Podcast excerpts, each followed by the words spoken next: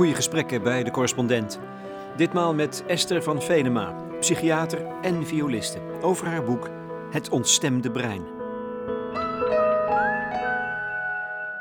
Ik denk dat het al begint met het, uh, hoe je reageert op dingen. Wat ik merk is dat mensen heel vaak zeggen: Oh nee, maar dat vind ik heel eng. Oh nee, dat vind ik heel griezelig. Denk je dat echt? Nou, dat kan toch niet? Dus het wordt heel erg uh, gedemoniseerd dat waarvan je zegt van nou, ik vind het niet prettig hoe die mensen daar naar kijken, ik vind het lastig, maar ik wil het wel horen, ik wil het weten. Dus die nieuwsgierigheid, die mis ik vaak. En het wordt heel snel wordt het al direct afgeserveerd als eng, gevaarlijk. En met drie stappen ben je sowieso tegenwoordig bij de holocaust. Um, wat ik als, met een Joodse moeder heel vervelend trouwens vind, dat even terzijde. Um, dat dat zo makkelijk uit de kast wordt getrokken. Maar het, de nieuwsgierigheid en het inderdaad zonder die, um, nou ja, zonder die een beetje arrogantie toch luisteren naar elkaar. Ik weet niet welke concrete praktijk jij je bevindt, dus wat voor jou werkt. Maar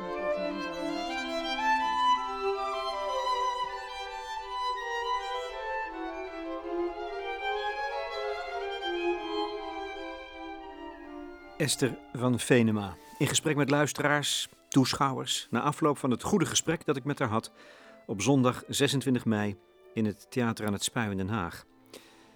Dat gesprek ging over populisme en de PVV, een partij die ze steunt. Het ging over haar werk als psychiater, over muziek en angst. Dat we zeggen podiumangst. Wij maakten vroeger op het conservatorium wel eens een grapje. Dat was heel gemeen, want dan hadden we gespeeld. En dan zeker de, de koperblazers, die dan echt drie noten... maar dat moeten wel perfecte noten zijn, dan doen tijdens een symfonie. Ja. Dan in de pauze, dan, wat ging er nou mis? Ja, dit was natuurlijk een grap, maar je zag die adrenaline al sky high schieten. Heel gemeen. De setting is intiem en theatraal. Een kring van toehoorders in lichtstoelen, in het duister. Velen hebben de ogen gesloten.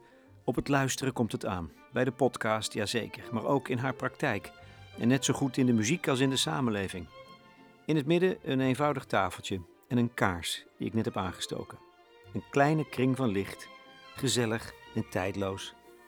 Tien jaar geleden startte Esther van Venema aan het Academisch Ziekenhuis in Leiden, waar ze stafpsychiater was, een polykliniek speciaal voor muzici met psychische klachten.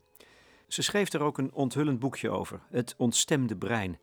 En dat begint met een motto van Virginia Woolf: It is far harder to murder a phantom than reality. Ja, het is een motto wat ik eigenlijk altijd met me meedraag, zowel in mijn persoonlijke leven, maar ook natuurlijk in mijn werk als psychiater. Omdat ik natuurlijk mensen ontmoet die niet lijden aan de realiteit, maar aan het feit dat er zoveel spoken zijn in hun hoofd.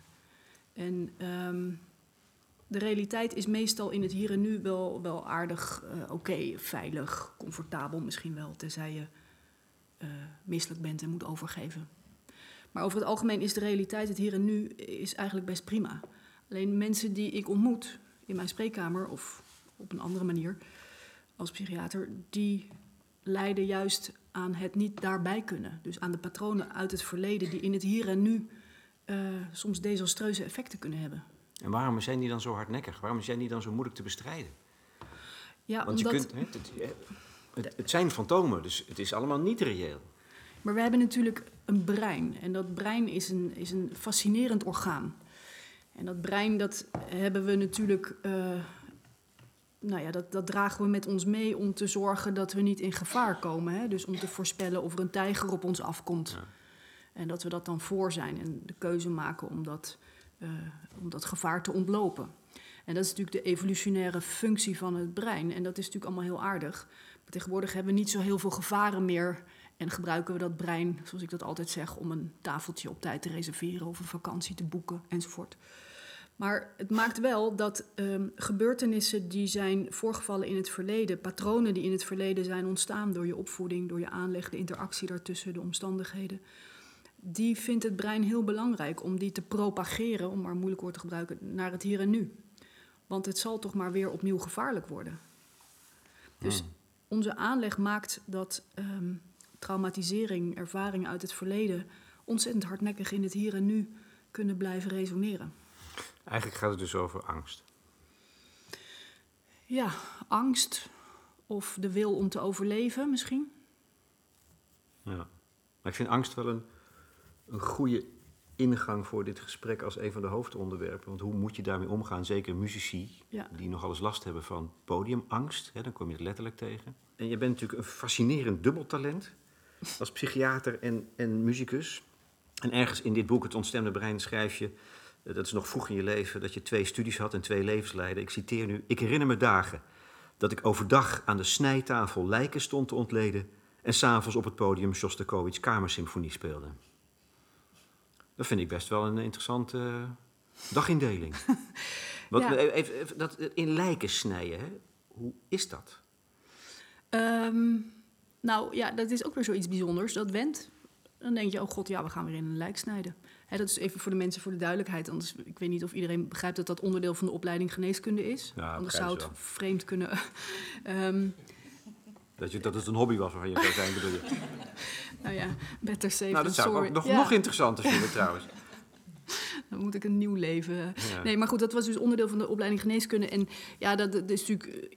Als je dat nog nooit hebt gedaan, is het nieuw en is het heel spannend. Eh, maar met zoveel dingen in het leven, ook daarvoor geldt. Ja, bij week drie denk je. ehm, eh, heb ik eh, voor vanavond eigenlijk wel gezorgd dat ik op tijd daar en daar kan. Dus dan ben je er eigenlijk niet meer zo mee bezig. Het wordt gewoon. Ik weet nog wel dat toen ik dat practicum volgde en er was een, een, een natuurkundige die deed onderzoek naar iets met een hartspier. En toen zei ik halverwege dat proces, en dan moet je je voorstellen, dan heb je zo'n snijzaal waar iedereen dus eh, in lijken heeft gesneden en die blijven daar liggen. En ehm, dat is natuurlijk vrij gruwelijk om te zien. Mensenlichamen die opengesneden Toch wel, zijn, ja. organen eruit en toestanden. Ehm, en die natuurkundige, daar zei ik tegen van, nou kom anders gewoon een keer meekijken, dat is hartstikke interessant. Dus die deed die deur open, die kwam binnen en die ging bijna tegen de vlakte, omdat hij het niet gewend was. En wij waren het wel gewend. Maar die eerste keer voor jou dan, wat zag je dan? Wat beleef je dan? Het stonk heel erg. Dus Ja. die formaldehyde lucht, die, eh, die maakte blijkbaar de grootste indruk. En s'avonds muziek maken. Dat zijn twee, dat, dan ga je de grens over tussen het, on, het, het, het- dat het wonder weg is Ja, en het wonder er wel is. Dat Ja. lijkt mij heel verwarrend. maar het is wel een prachtige combinatie. Want stel je moet in lijken snijden en je gaat s'avonds niet muziek maken. Dat lijkt mij veel moeilijker dan dat, dat, je die, die, dat het complementaire, dat elkaar aanvult. Want wat gebeurt er dan? Het zijn je- hele hevige prikkels allebei, hè? Ja, Maar die passen wel ontzettend goed bij elkaar. want? Waarom? Nou, eigenlijk net wat jij zegt. Het, het is, het, het, eh, het, is het, het stoppen van de muziek van het leven. Als je het hebt over die dode mensen die hun lichaam aan de wetenschap eh, ter beschikking hebben gesteld. En dan s'avonds de waanzin van Shostakovich. Die, die, die turbulentie, die, die, dat onbehagen wat hij in die muziek legt. En waar je dan mee in contact komt die twee zaken bij elkaar, dat, dat klinkt misschien heel gek, maar dan heb ik het gevoel dat ik het weer snap, dat ik het begrijp. Dood vinden we allemaal heel naar en vreselijk, maar je kan ook zeggen, nou ja, dat is zoals het is. Het is natuurlijk maar één kant van, van het zijn.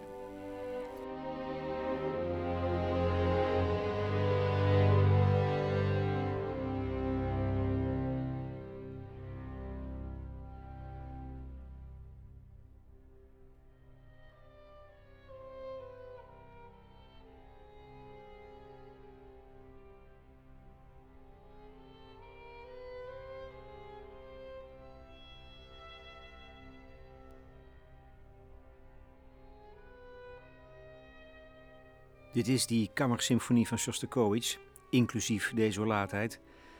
In het ontstemde brein beschrijft Van Venema hoe ze zelf een keer ten prooi viel aan een paniekaanval. Horrorervaring, donderslag bij heldere hemel. Ik denk dat die paniekaanval wel, wel illustratief is voor waar we het net over hebben. Hè? Van eh, die angst om dood te gaan, om gek te worden. De angst dat je de controle verliest. De angst voor desintegratie, zei een oude psychiater wel eens tegen me. We zijn als mens voor twee dingen heel bang. Dat is angst voor de dood en angst voor desintegratie. En die desintegratie, dus dat, dat je de controle verliest, dat alles uit elkaar valt... dat is misschien nog wel veel bedreigender. En een paniekaanval, ja, op, op zo'n moment zit je daar op je stoel met je viool te spelen en opeens krijg je een heel raar gevoel. Je krijgt een soort lichamelijke sensaties dat je het heel warm of heel koud krijgt. En het, het lastigste of het drama, meest dramatische is de vervreemding. Dus dat ik hier op mijn stoel zit En dat alles buiten mij om gebeurt en dat ik er geen contact meer mee kan maken. Nog net die viool in je handen kan houden. Maar dat je denkt van ja, ik, ik word echt gek nu. Ik, eh, I'm losing it. Nou, dan gaat je stok trillen. En dan krijg je zweterige vingers, waardoor je de noten niet meer goed kan grijpen. Maar je speelt wel door. Maar je bent zo getraind dat je desondanks door kan spelen. Wat natuurlijk heel gek is eigenlijk. En toen? Toen was het pauze. En toen... eh, God zegene de pauze. nog nooit zo blij geweest dat eh, de zaallichten aangingen. En eh, in de kleedkamer, dat schrijf ik ook in dat boek, was iedereen een beetje aan het kletsen met elkaar en koffie aan het drinken of thee, weet ik wat.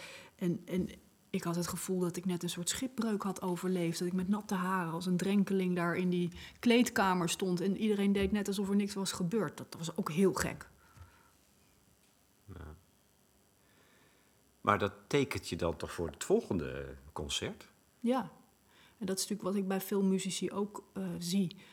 Dat die angst dat het dan nog een keer gebeurt, Ja. dat gebrek aan controle, wanneer gebeurt het? het? Het kenmerk van een paniekaanval is dat het je zomaar overvalt. Maar niet zomaar. Zo voelt het wel. Waarom, waarom overkwam het jou dan? Wat was het? Wat, Nou weet ja. je nog wat je speelt? Ehm, volgens mij was het, was het een, een snabbel eh, optreden met Helmut Lotti, ergens in Duitsland. Het sloeg echt Zou ik ook een beetje vervreemdend vinden trouwens. Nou ja, iets dat je denkt van ik denk er niet, niet over na. eh, Ja. We spelen en Maar- eh, Dus, dus relatief veilig. dat zou je denken, ja. Maar zo'n zo'n akelige paniekaanval, die trekt zich daar niks van aan. En die overvalt je op het moment dat je het niet verwacht. Maar, je, maar waarom, waarom is het je dan toch overkomen? Dat zou je toch honderd keer hebben afgevraagd, neem ik aan. Nou ja, kijk, dan, dan ga ik er een beetje een technisch antwoord geven. In je aanleg heb je een bepaalde kwetsbaarheid voor psychische problemen. Net zoals je een aanleg kan hebben voor hart- en vaatziekten. Ja. En een hartinfarct krijg je als je door je leefstijl eh, nou, daar het risico op laat toenemen.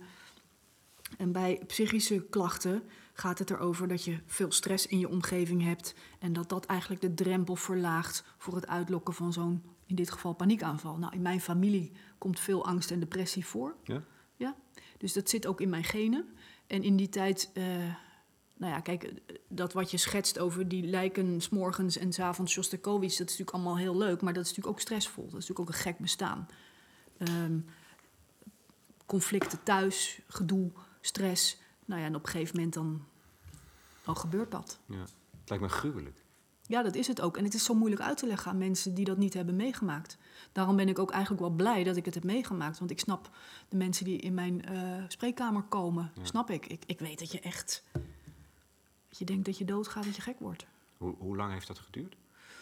Ik denk een eh, paar maanden, misschien een paar jaar. Dat je, Eh, daar, dat je regelmatig nou ja, dat- daar last van had? Ja, dat, het, dat die stress zodanig was dat ik daar kwetsbaar voor bleef. En nog steeds als ik te lang doorga of als ik niet voldoende rust neem...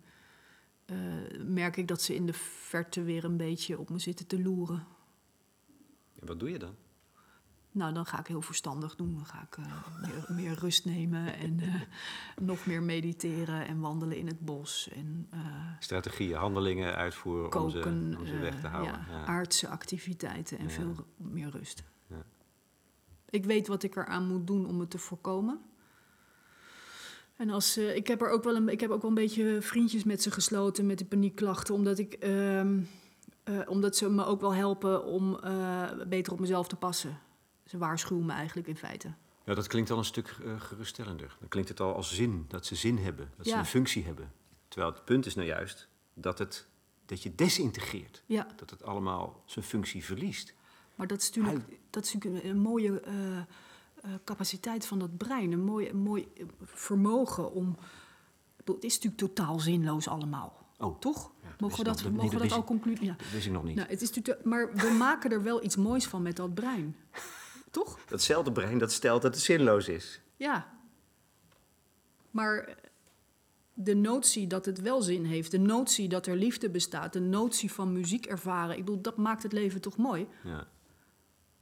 Dat is altijd wel een interessant thema, vind ik, omdat ehm, ik ben heel religieus opgegroeid en dan was alles ontzettend zinvol en, en belangrijk. En dat vond ik echt claustrofobisch, dat alles had een, eh, wat je at, wat Ah, je ja. dacht. Dus als je dat allemaal kan loslaten, de ultieme zinloosheid, de vrijheid die je daardoor ervaart, En dan kan je eens gaan kijken van nou, hoe ga ik dat eigenlijk inrichten? Hoe ga ik dat vormgeven? Dat vind ik wel heel, heel aangenaam. Ja.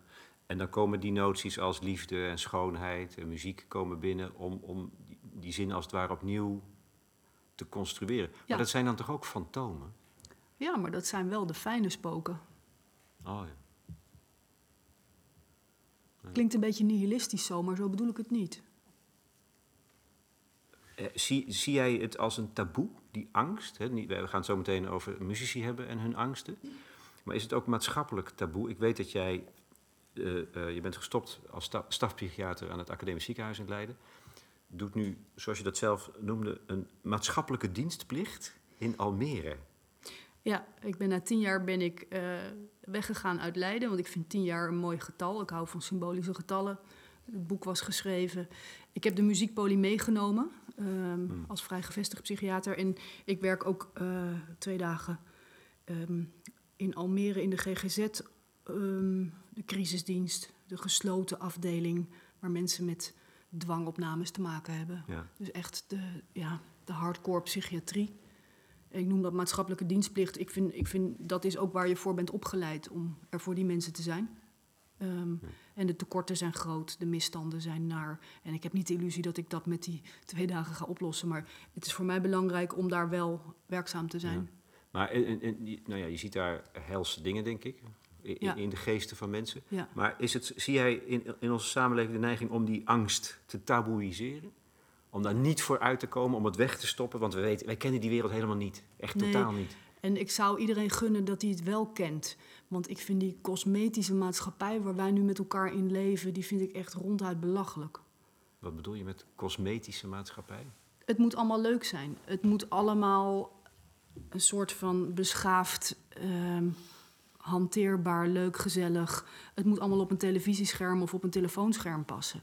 En dat is niet de realiteit. De werkelijkheid is niet ehm, op die manier. Hoe zal ik het zeggen? Het is, het is alsof we een 2D-werkelijkheid met elkaar hebben gerealiseerd. En dat we 3D, die derde dimensie, dat we die eh, verwaarlozen en net doen alsof die niet bestaat. Absurd. Maar dat is ook de dimensie van de angst. Dat is de dimensie van de angst, dat is de dimensie van de dood, dat is de dimensie van de waanzin, dat is de dimensie van zwart, van het niet meer weten, de twijfel.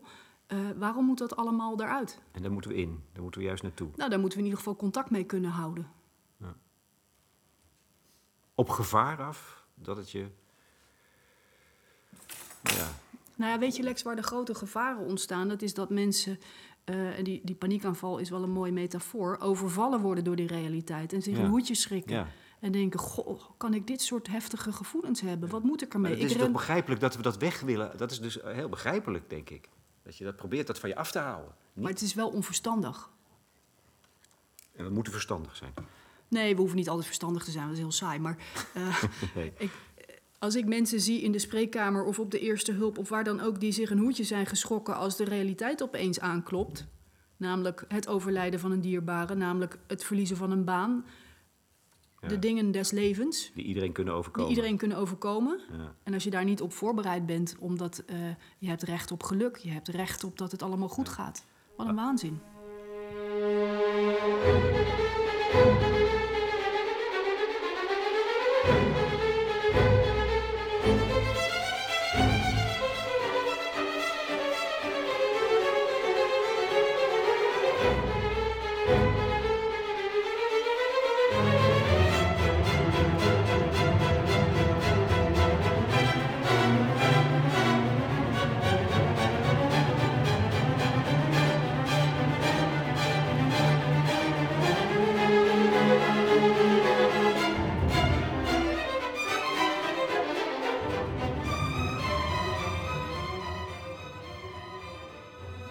Van Venema, muziek. Ehm, maakt muziek je gelukkig? Ehm, Het spelen van muziek bedoel ik eigenlijk zelf. Je bent ook professioneel violist. ja, het is, het is een noodzaak. Het is een noodzaak. Ja. Ja? Ja, omdat, ehm, en daar ben ik ook wel in die tien jaar achter gekomen dat ik met muzici werkte. Muziek is toch een heel veilig kanaal om emoties te ervaren. Om emoties te uiten en te ervaren. En wat me opgevallen is, en dat geldt ook voor mijzelf, is dat het mensen zijn die vaak in een, in een wat onveilige setting zijn opgegroeid. Daar waar het gaat over emoties. Dat eh, emoties zoals woede en verdriet, dat dat problematisch was thuis. Ehm, het zijn natuurlijk allemaal hele gevoelige mensen. Dus ehm, voor velen, en dat geldt ook voor mijzelf, is muziek wel een soort veilig kanaal waarin je alles mag voelen. Waarin je niet gedoe krijgt met de omgeving. Ehm, waarom ben je zo boos? Ja. Ik merk dat ik het lastig vind dat je zo boos bent. Ik eh, heb drie dagen hoofdpijn omdat je zo boos was. Nee, muziek, dat mag. Daar kan alles.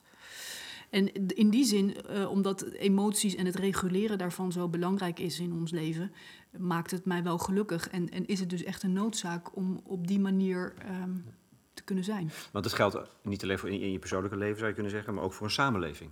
Dat muziek hè, die plek is, dat veilige kanaal is om emoties die we misschien anders wel een beetje proberen weg eronder te houden, om die eh, toch een plek te geven. Ja, ik denk dat dat heel erg waar is. Ik bedoel, er zijn natuurlijk heel veel studies gedaan van wat is nou de functie van muziek. Nou, daar komen we nooit helemaal achter. Eh, we hebben met elkaar vroeger in de oertijd eh, rond een kampvuur zitten zingen. En dat was vast heel goed voor de cohesie binnen de groep. En dan kon je daarna weer op pad en weet ik wat. Lekker vechten. En vechten. Ehm, maar ik denk dat, dat de samenleving zoals we die nu kennen, dat die nog steeds die noodzaak eh, heeft om, om muziek erbij te houden, te, in- te incorporeren. Inderdaad, voor het reguleren. Kijk, dat is ook eh, de functie van psychotherapie: hè? het praten over emoties. eh, om daardoor die emoties hanteerbaar te kunnen maken. En ik denk dat muziek daar ook een, nou, net zo'n belangrijke rol in speelt. En, en als je speelt, ben je dan ook echt ervaar je dan ook echt geluk? Wel, nee, Lex. Het is nooit goed genoeg. Nee? Het is altijd eh, net niet. eh, het kan altijd beter. Ik, muzici en ik ook. eh, Het is vreselijk. Die, die zelfkritiek, die lat altijd maar te hoog leggen. En Daar heb, je, daar heb je extreem veel last van, of niet? ja. Nou, ik ben ervoor behandeld, zeg ik altijd. Want als psychiater moet je zelf ook in therapie. Ehm, dat heeft mij heel lang geduurd. Ehm, maar, Zo, zo hoog lag die lat. Nou ja, om, om dat wat, wat ja, toch heel narcistisch is. Hè? Van het moet altijd die goede prestatie zijn. Het moet altijd bijzonder zijn. En anders, ja, wat stel je dan anders voor? Dat is natuurlijk het kernconflict van de narcistische persoonlijkheid eh, die ik ook heb. Eh, om, daar, om daarmee om te gaan en dat het, dat het ook oké is ehm, als het niet eh, heel bijzonder is. En, Of, en, hoe, en hoe heb je dat dan klein gekregen?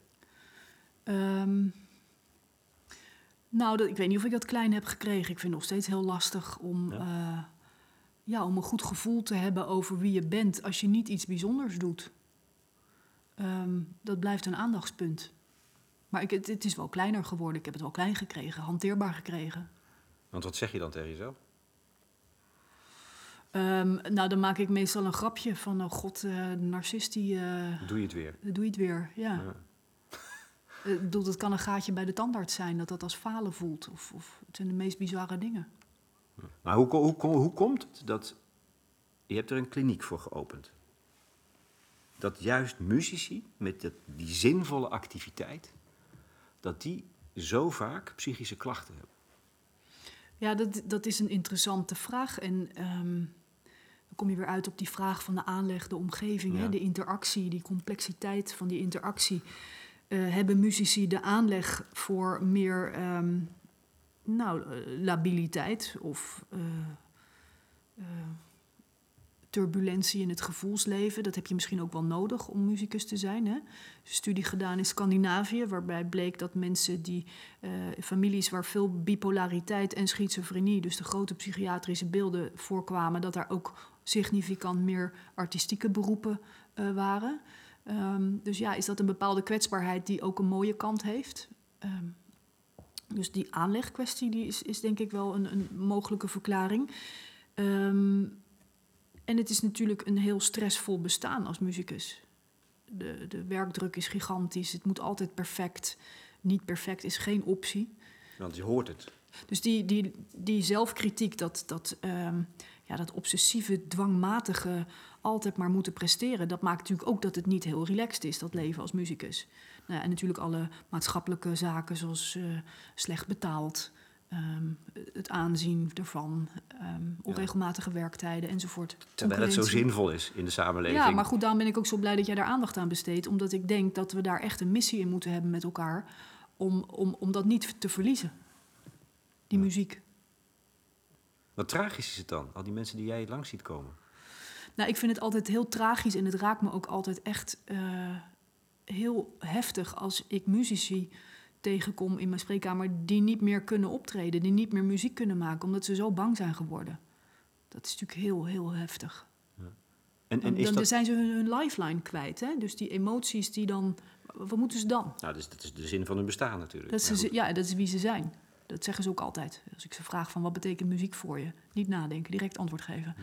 Mijn moedertaal, wie ik ben, waarom ik leef. Ja, Als dat dan niet meer lukt. Dan ben je weg. Ja.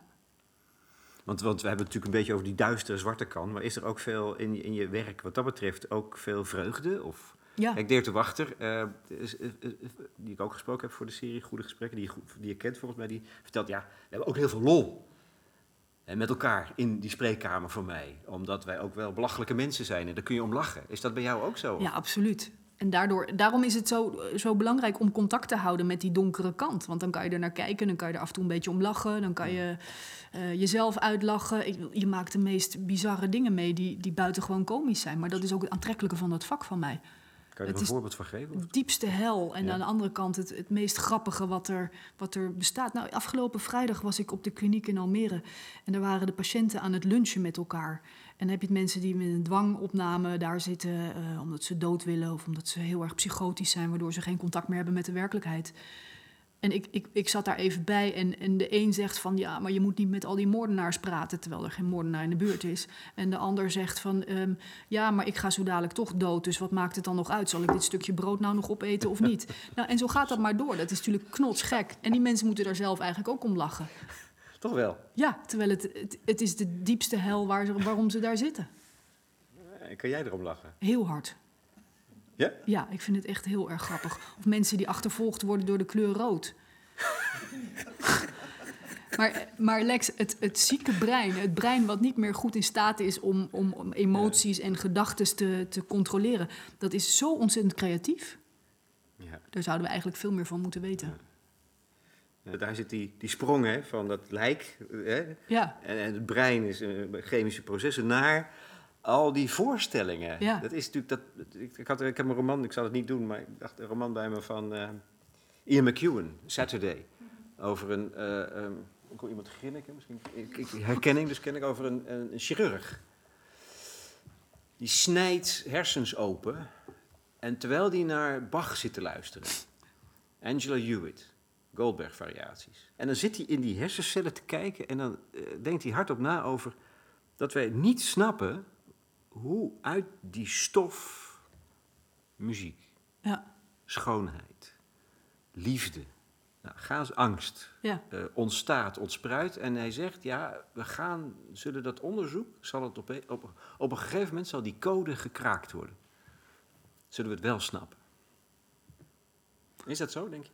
Ja, vraag is wat we bedoelen met snappen dan, hè? Een beetje een flauw antwoord van mij, maar... vind, ik- vind, ik- een Beetje flauw flauw antwoord. antwoord, ja. Maar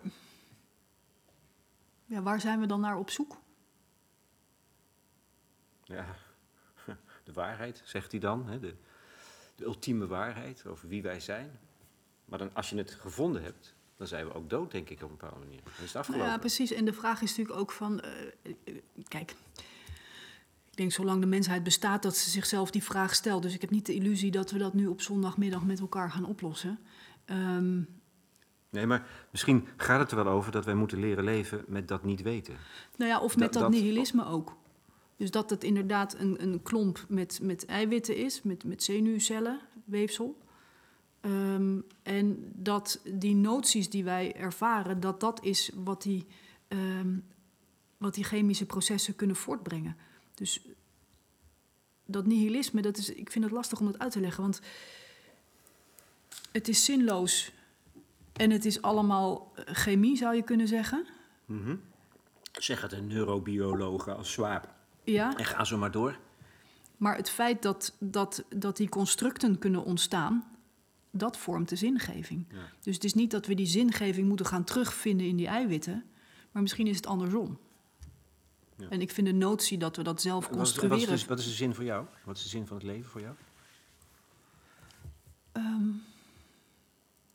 ja, het is altijd lastig om dan niet in allerlei clichés te vervallen. Hè? Van ik wil goed zijn voor mijn naasten, ik wil terug. Ik, wil, ik doe wel eens af en toe een sterfbedscène voor mezelf. Dat ik dan denk, als je op je sterfbed ligt, van wat, wat, waar, hoe kijk je dan terug? Wat Ja. was nou belangrijk? Oh. Raad ik iedereen aan om af en toe te doen. Ja, Is dat prettig? dat scherpt wel. Ja, dat is prettig. En, en, en wat ervaar jij dan? Nou, de- toch contact met, met, met naasten, met geliefden. Ja. Dat is toch wel heel belangrijk. Ik denk dat dat ook echt in onze diersoort zit, dat we daar Ja. eh, heel gevoelig voor zijn.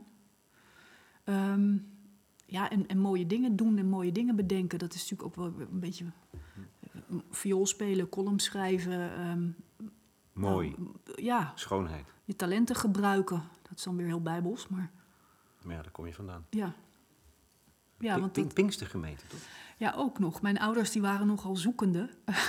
en dat, dat kon de ene week een, een degelijke baptistenkerk zijn... en de andere week dan eh, nam mijn vader ons mee naar de Bijlmer... naar een, een, eh, een pinkstergemeente waar alleen maar eh, popmuziek werd gedraaid... En, en mensen aan het zingen en springen waren en in trance waren eigenlijk. Dus misschien heeft dat ook wel bijgedragen om te kiezen voor het vak van Ik psychiater. wou net zeggen, wat gebeurt daar dan? Ja. Dat is al een hele andere relatie tussen muziek en geest. En, en de fantomen. Of ja, wat, wat zag je dan in? Nou ja, ik, ik herinner me ook nog, dat was in Zeist dan in de Pinkstergemeente, daar kwamen we wat vaker. Daar werd eerst twee uur lang gezongen met de hele kerk. En dan kreeg je toch een soort massapsychose. Dan gingen mensen in tongen praten. Dat krijg je, als je twee uur zingt, dan krijg je dat. Blijkbaar, blijkbaar. En al die koren in Nederland dan?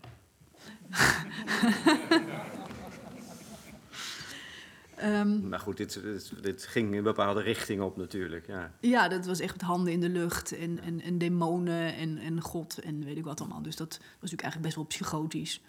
Ehm, en dat, ja, dat, dat heeft me wel gevormd, denk ik. Ja. In welke zin dan? Wat, wat heeft dat dan met jou gedaan? Dat is mij, want hoe oud was je? Tussen mijn tiende en mijn zestiende, denk ik. Of nog wel daarvoor. Want veel kinderen zullen moeiteloos meegaan, zijn loyaal aan de ouders. En die stappen erin en die, die weten niet. Ja. Ja, je weet niet beter. Dit is wat wij op zondag doen. En jij? Nou, ik ben altijd wel een observeerder geweest. Ik heb altijd wel geobserveerd en Ja. ik ben nooit echt heel erg onderdeel geweest van de zaak. Ik bedoel, er werd ook in die kerk altijd gehamerd op van dat je je zonde bij de Heer moest brengen. En dan dacht ik van ja, maar wat is nou zonde? Want wat voor mij zonde is, is vanuit een ander perspectief misschien helemaal geen zonde. Ouders die hun kinderen mishandelen, dat vinden we allemaal heel slecht. Maar als je die ouders hoort en, en, en hun verhaal, dan, dan is het voor hun de enige manier om het te kunnen. Weet je, het is allemaal zo relatief. Nou, dan moet je toch weer proberen van perspectief te wisselen, denk ik. Ja, dus wat het me gebracht heeft, is dat je ziet dat je heel erg van perspectief kan wisselen. Dat je, als je uit je comfortzone gaat, dat je een hele hoop bijzondere dingen tegenkomt. Dat je daardoor verandert. Mooi.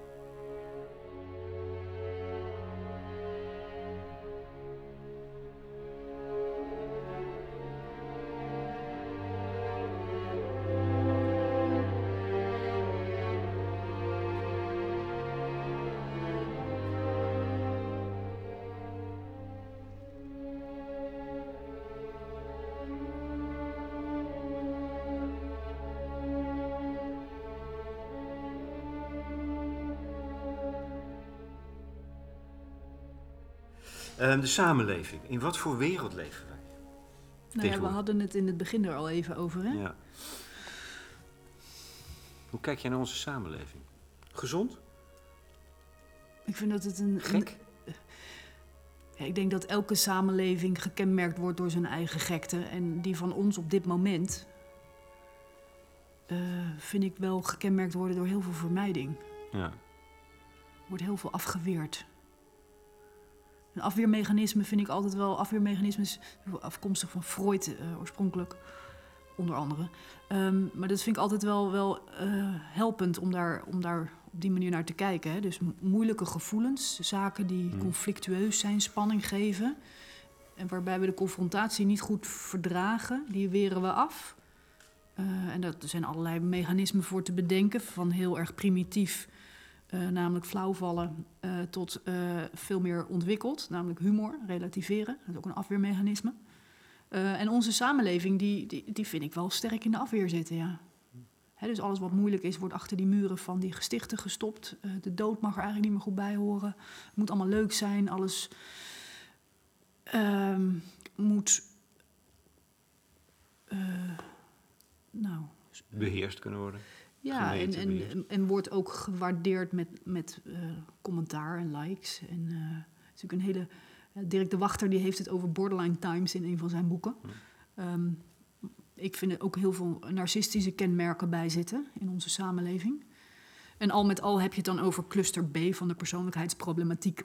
Wat natuurlijk een, een heftig, ja, eh, opvallend. Cluster B, Ja, je hebt- DSM-5 is dat geloof ik, het handboek Nou van de psychiatrie. nog, Ja, ja, ja. En, en, en, en wat versta je dan onder, onder narcisme eigenlijk als, als eh, kenmerkend voor onze samenleving?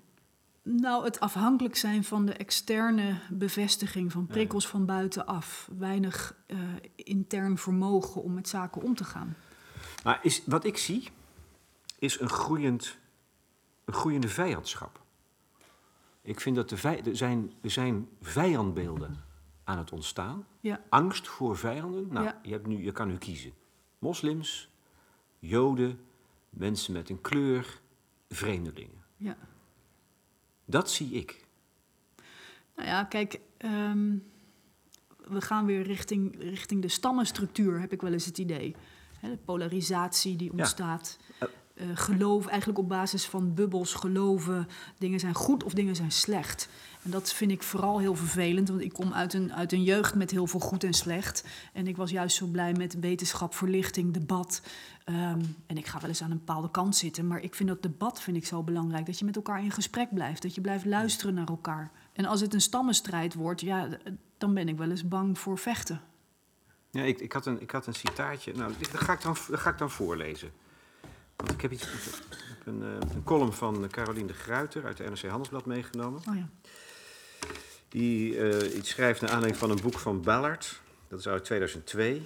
En dat gaat over een groepje rijke, eh, hoogopgeleide, blanke mannen. Die leven in een ommuurde community, afgescheiden van de wereld. En die vervelen zich dood.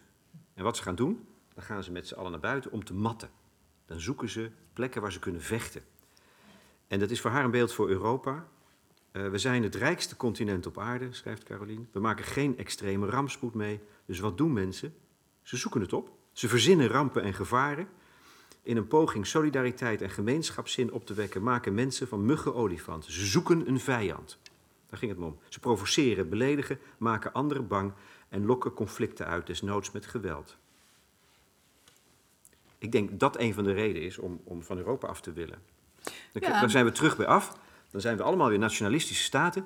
En dan mogen we weer oorlog voeren. Dat Ja, is eigenlijk wat. Blijkbaar zit dat toch in ons DNA, hè? Homo sapiens, dat boek eh, wat eh, een paar jaar geleden Zeker. uitkwam.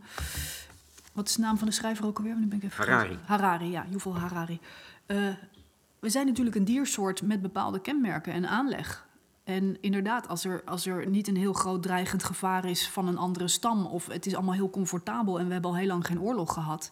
Ja, dan vrees ik dat dat in onze aanleg zit om daar dan opnieuw naar te gaan zoeken. Dus jij verwacht dat we dat ook echt gaan doen, dit?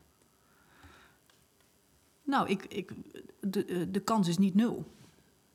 Kijk, we zijn natuurlijk sinds de verlichting allemaal eh, heel erg ontwikkeld in een bepaalde richting.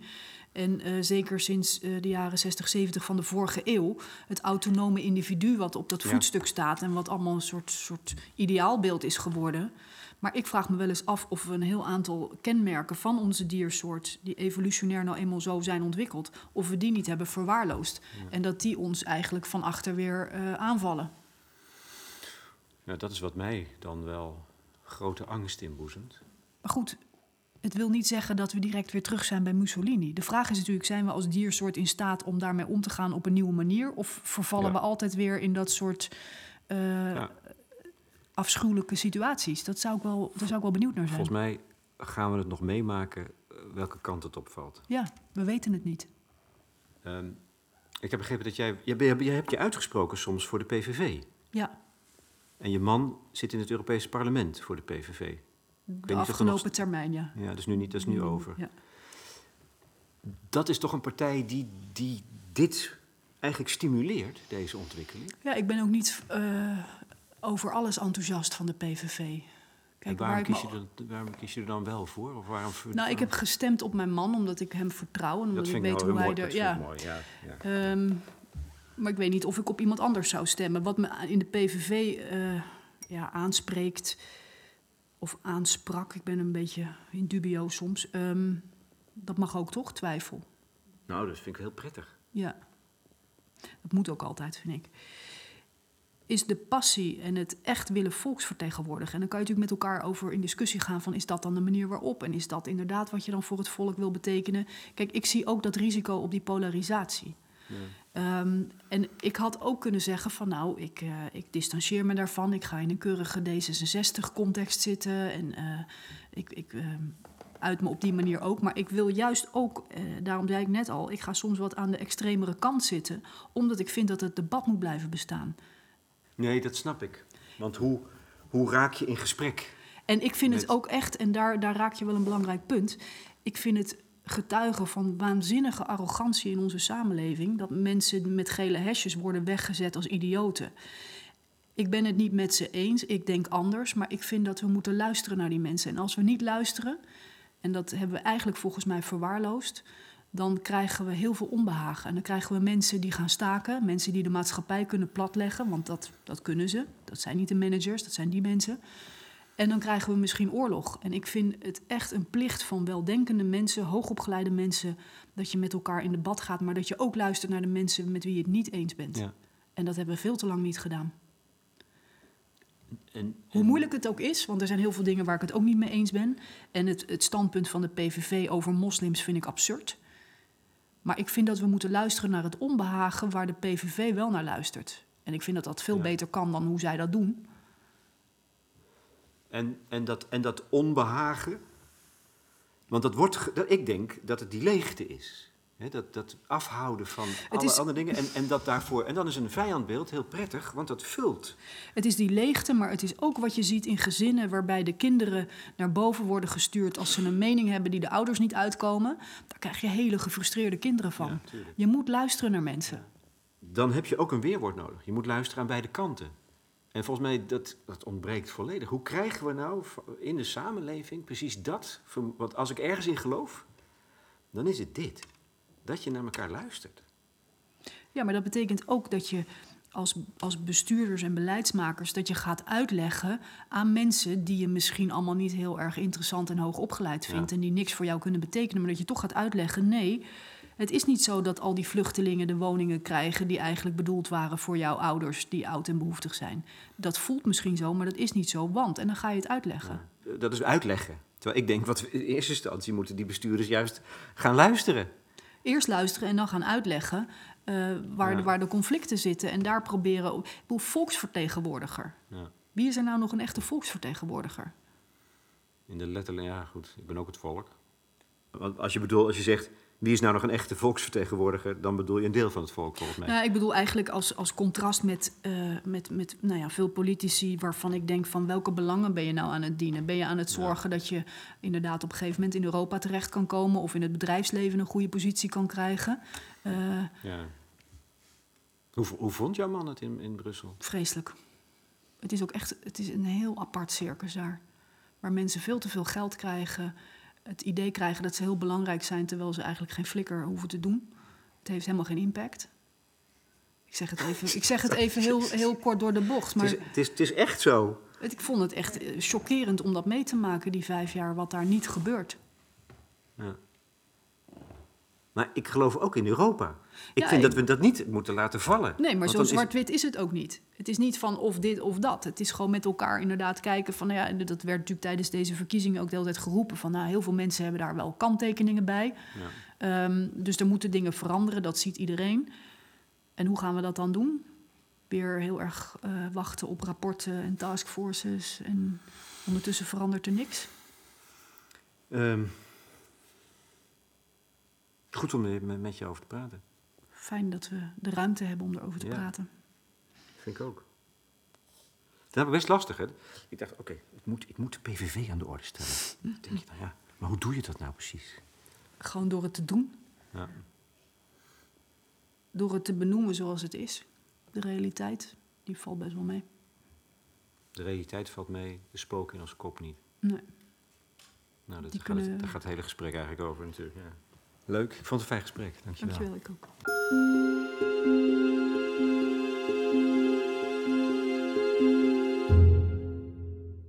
Esther van Venema in gesprek met Lex Bolmeijer voor de correspondent.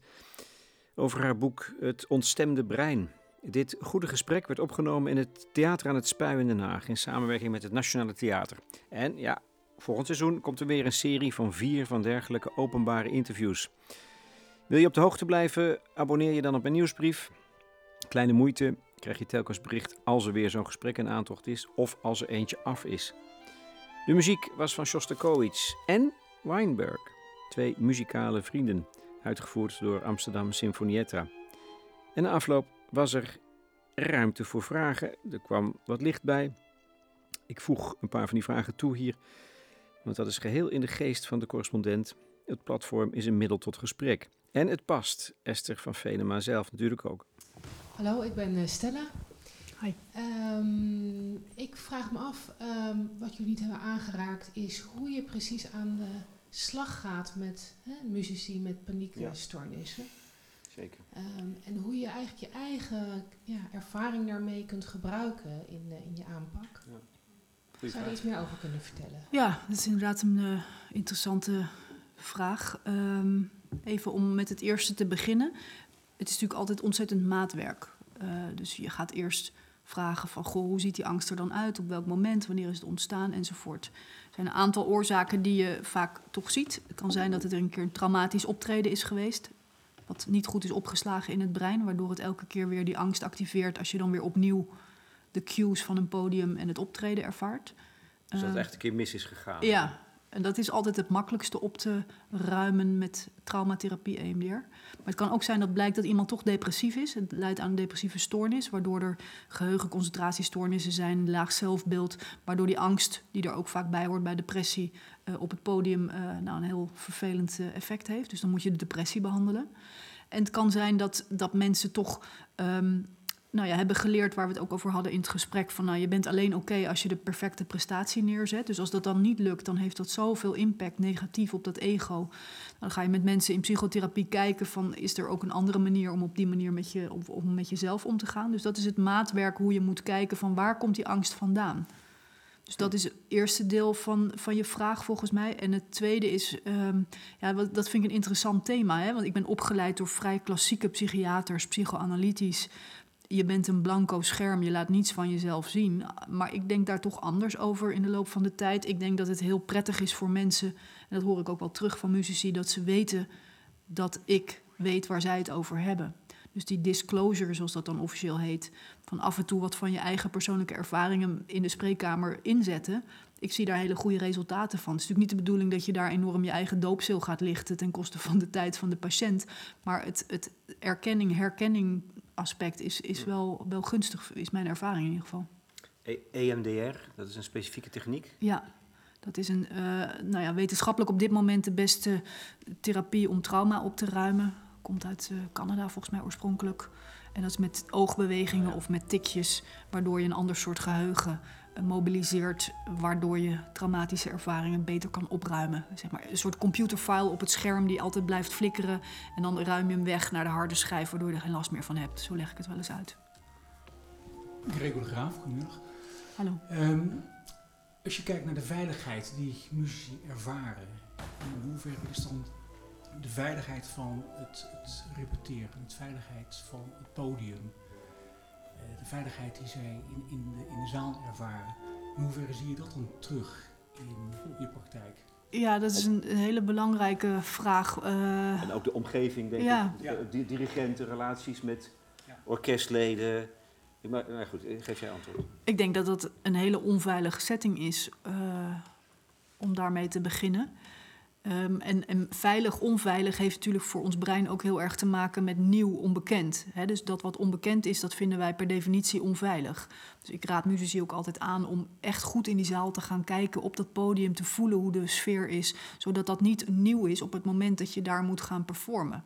Uh, hetzelfde geldt dat je, uh, je, je lichaam heeft een, biolo heeft een, een ritme. Dus als jij s'avonds moet optreden, ga dat stuk dan niet alleen s'morgens studeren, maar ook s'avonds, zodat je biologische mm. klok gelijkgesteld is, waardoor je niet opeens een nieuwe sensatie hebt in je spieren, omdat je je anders s'avonds voelt dan overdag. Hetzelfde geldt voor de kleding die je aantrekt. Oefen ook met die kleding. Dat dat, dus hoe minder nieuw, hoe veiliger.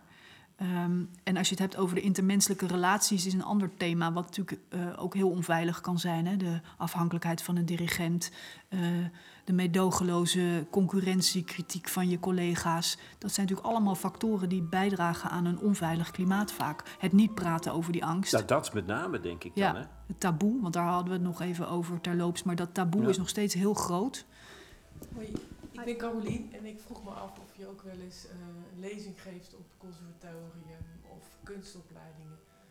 Want als het over veiligheid gaat, begint natuurlijk met jonge mensen ja. die studeren ja. en die uh, met elkaar ook concurreren op een school. Klopt. Met tegen de leraren vaak, docenten. Ja, nou ja, dat, dat is al bijna een heel apart onderwerp inderdaad, conservatoria in Nederland. Um, ik heb uh, vanuit de muziekpolie veel met het conservatorium van Amsterdam samengewerkt, ook onderzoek gedaan, college daar gegeven, uh, Den Haag ook wat projecten gedaan.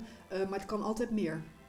Maar goed, conservatoria die hebben natuurlijk heel veel zaken waar ze zich nou ja, toe moeten verhouden. En ik, ja, dit, dit zou meer prioriteit mogen zijn, is mijn stelling. Ja. ja. Dat is ook eigenlijk het slotwoord in mijn boek. Uh, is ook heel erg gericht op het, uh, nou ja, op het optimaliseren van uh, de mentale weerbaarheid op die conservatoria. Vind ik heel belangrijk. Ja, en ja. ik denk op de alle kunstopleidingen. Nou ja, ik... Dat is een goede. Ja. ja. bij uitbreiding, ja. Ja, eens. Dankjewel. Oh, is hilarisch hoe je schrijft toen jij op het conservatorium van Amsterdam zat. Er was een psycholoog. Ja een psychoanalytica zelfs aan het werk, Christa Wietlund, oftewel Anne Enquist. En die zat in een bezemkast onder de trap. Ja, klopt. En dan mocht je vooral niet gezien worden. Nee, dus dat heb ik toen nog kunnen vermijden. Toen mijn docent zei, moet je niet eens praten. En toen ik in opleiding kwam als psychiater, toen zei mijn opleider... Goh, ik weet nog wel een goede psycholoog die ook iets met muzici heeft. En toen ben ik dus tien jaar naar de Bijlmer getrokken elke week... om bij Anna Enquist toch in therapie te gaan. Dus ik heb mijn lot niet kunnen ontlopen, gelukkig.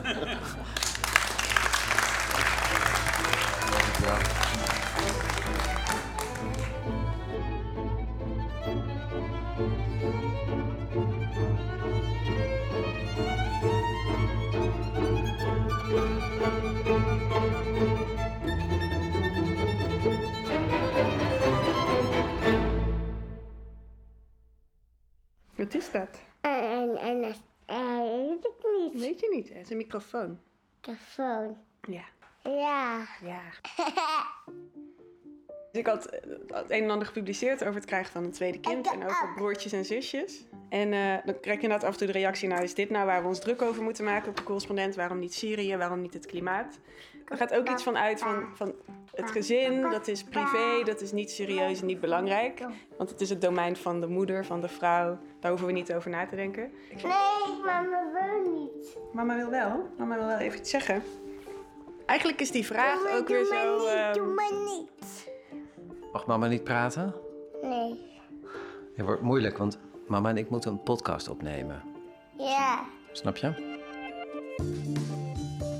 Binnenkort komen wij, ik, Jair Stijn... En ik, Limberger. Met een nieuwe podcast. De tweede, op zoek naar het standaard gezin. Met bijzondere verhalen van ouders en kinderen. Over hun angsten en twijfels, hun dromen en verwachtingen. We gaan op zoek naar de mythe en de laatste inzichten uit de wetenschap over jaloezie, geboortevolgorde, enig kinderen en de vraag wat het betekent om altijd nummer twee te zijn.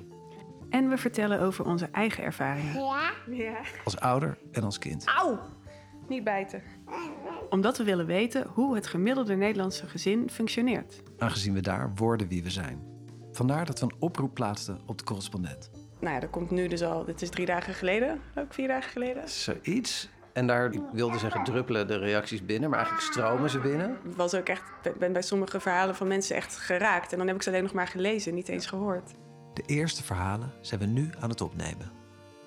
Het was heel sereen eigenlijk met z'n drietjes. Natuurlijk veel, veel werk, omdat het de eerste is en uh, alles is nieuw. Maar uh, eigenlijk heel behapbaar. En vanaf het moment dat een tweede komt, is het natuurlijk totale chaos. Binnenkort bij de correspondent. De tweede.